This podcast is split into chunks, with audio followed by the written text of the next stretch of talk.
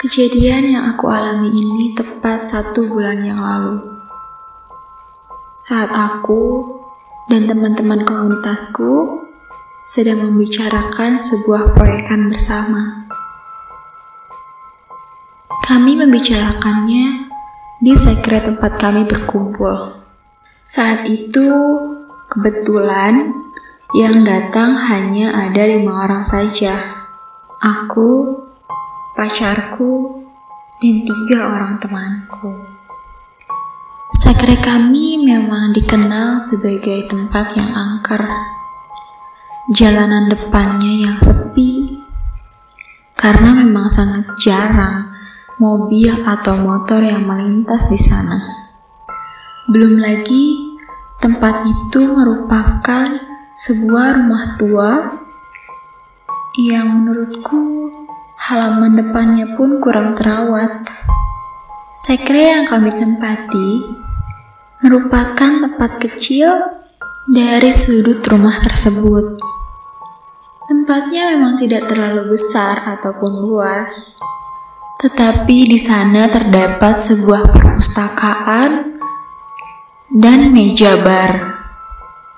Ya, Sangat lumayan sih untuk dipakai belajar bersama, nongkrong, berdiskusi, atau mengadakan kegiatan kecil-kecilan.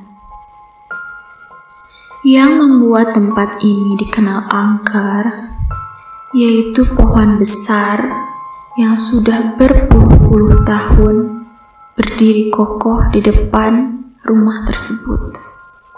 Dan konon katanya di sana ada penunggunya, seorang perempuan. Tak heran jika memang terkadang ada kejadian-kejadian aneh yang dialami oleh beberapa teman-temanku.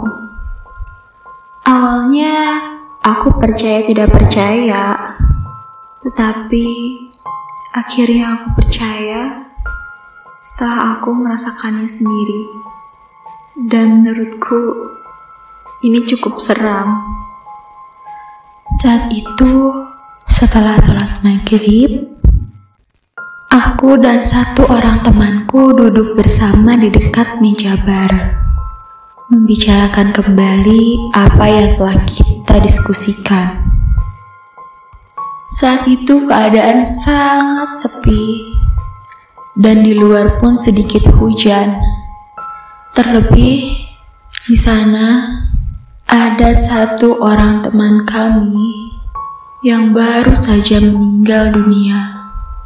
Keadaan tempat itu tidak seperti biasanya.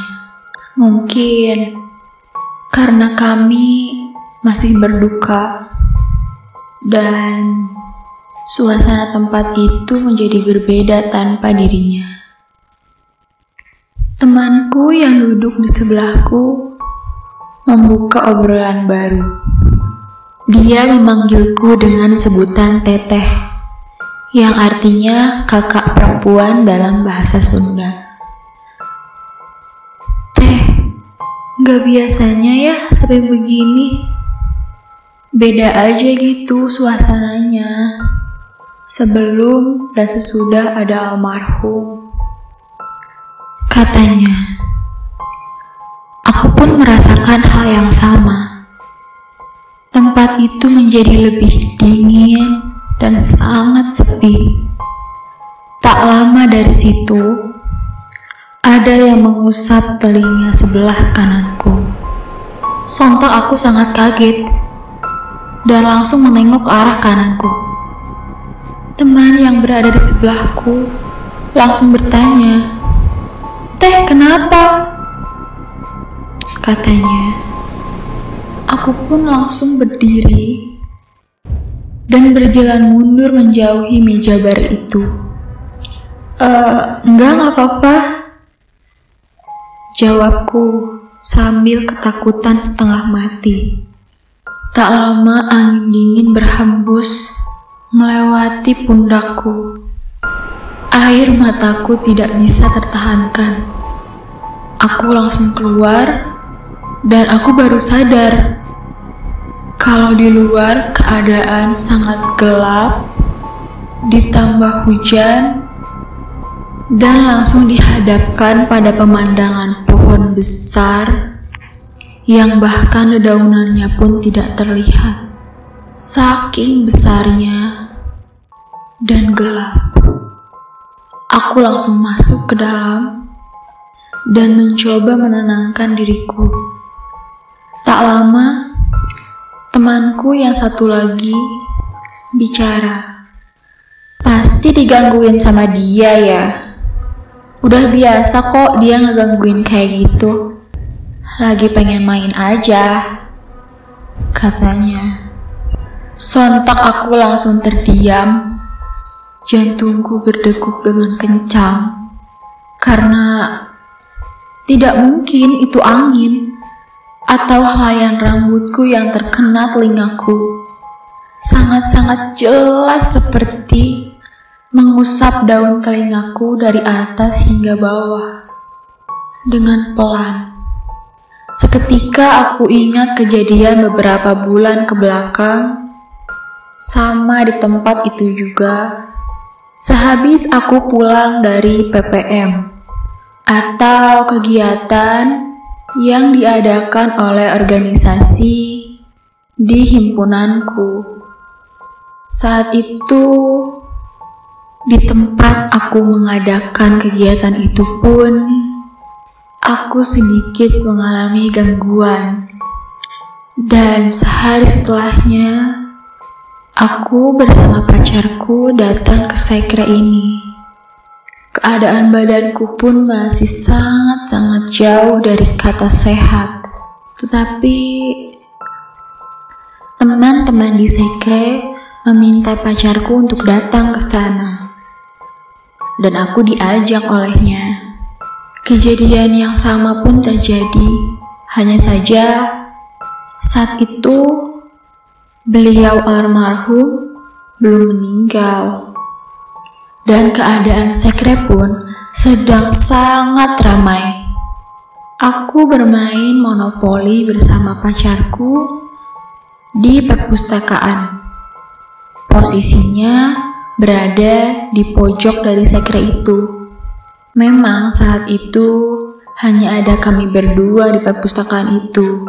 Tapi posisinya Aku duduk di dekat pintu, sehingga mengarah keluar dekat dengan orang-orang yang berada di tengah dan meja bar.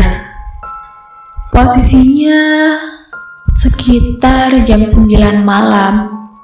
Aku duduk dengan menelentangkan kakiku ke belakang atau bisa disebut selonjoran. Tak lama dari situ, Lampu di perpustakaan berkedip-kedip. Memang terkadang lampu suka mati sendiri atau berkedip-kedip. Tapi kami semua mengira itu memang listriknya saja yang gangguan. Jadi kami menganggap hal itu sudah biasa. Ketika aku sedang asik bermain, tiba-tiba saja Aku merasakan ada yang menarik kakiku.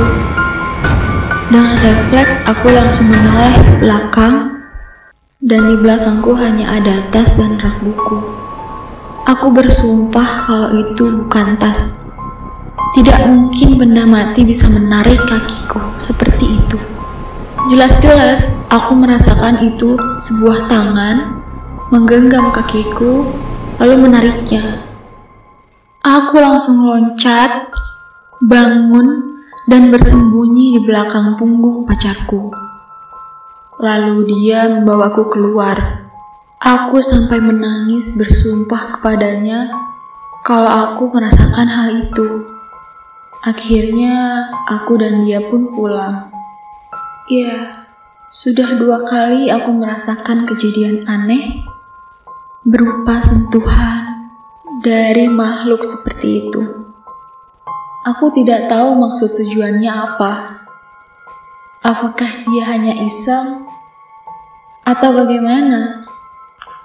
Dan teman-temanku yang ada di sana pun bilang padaku Masih untung dia tidak menampakkan dirinya.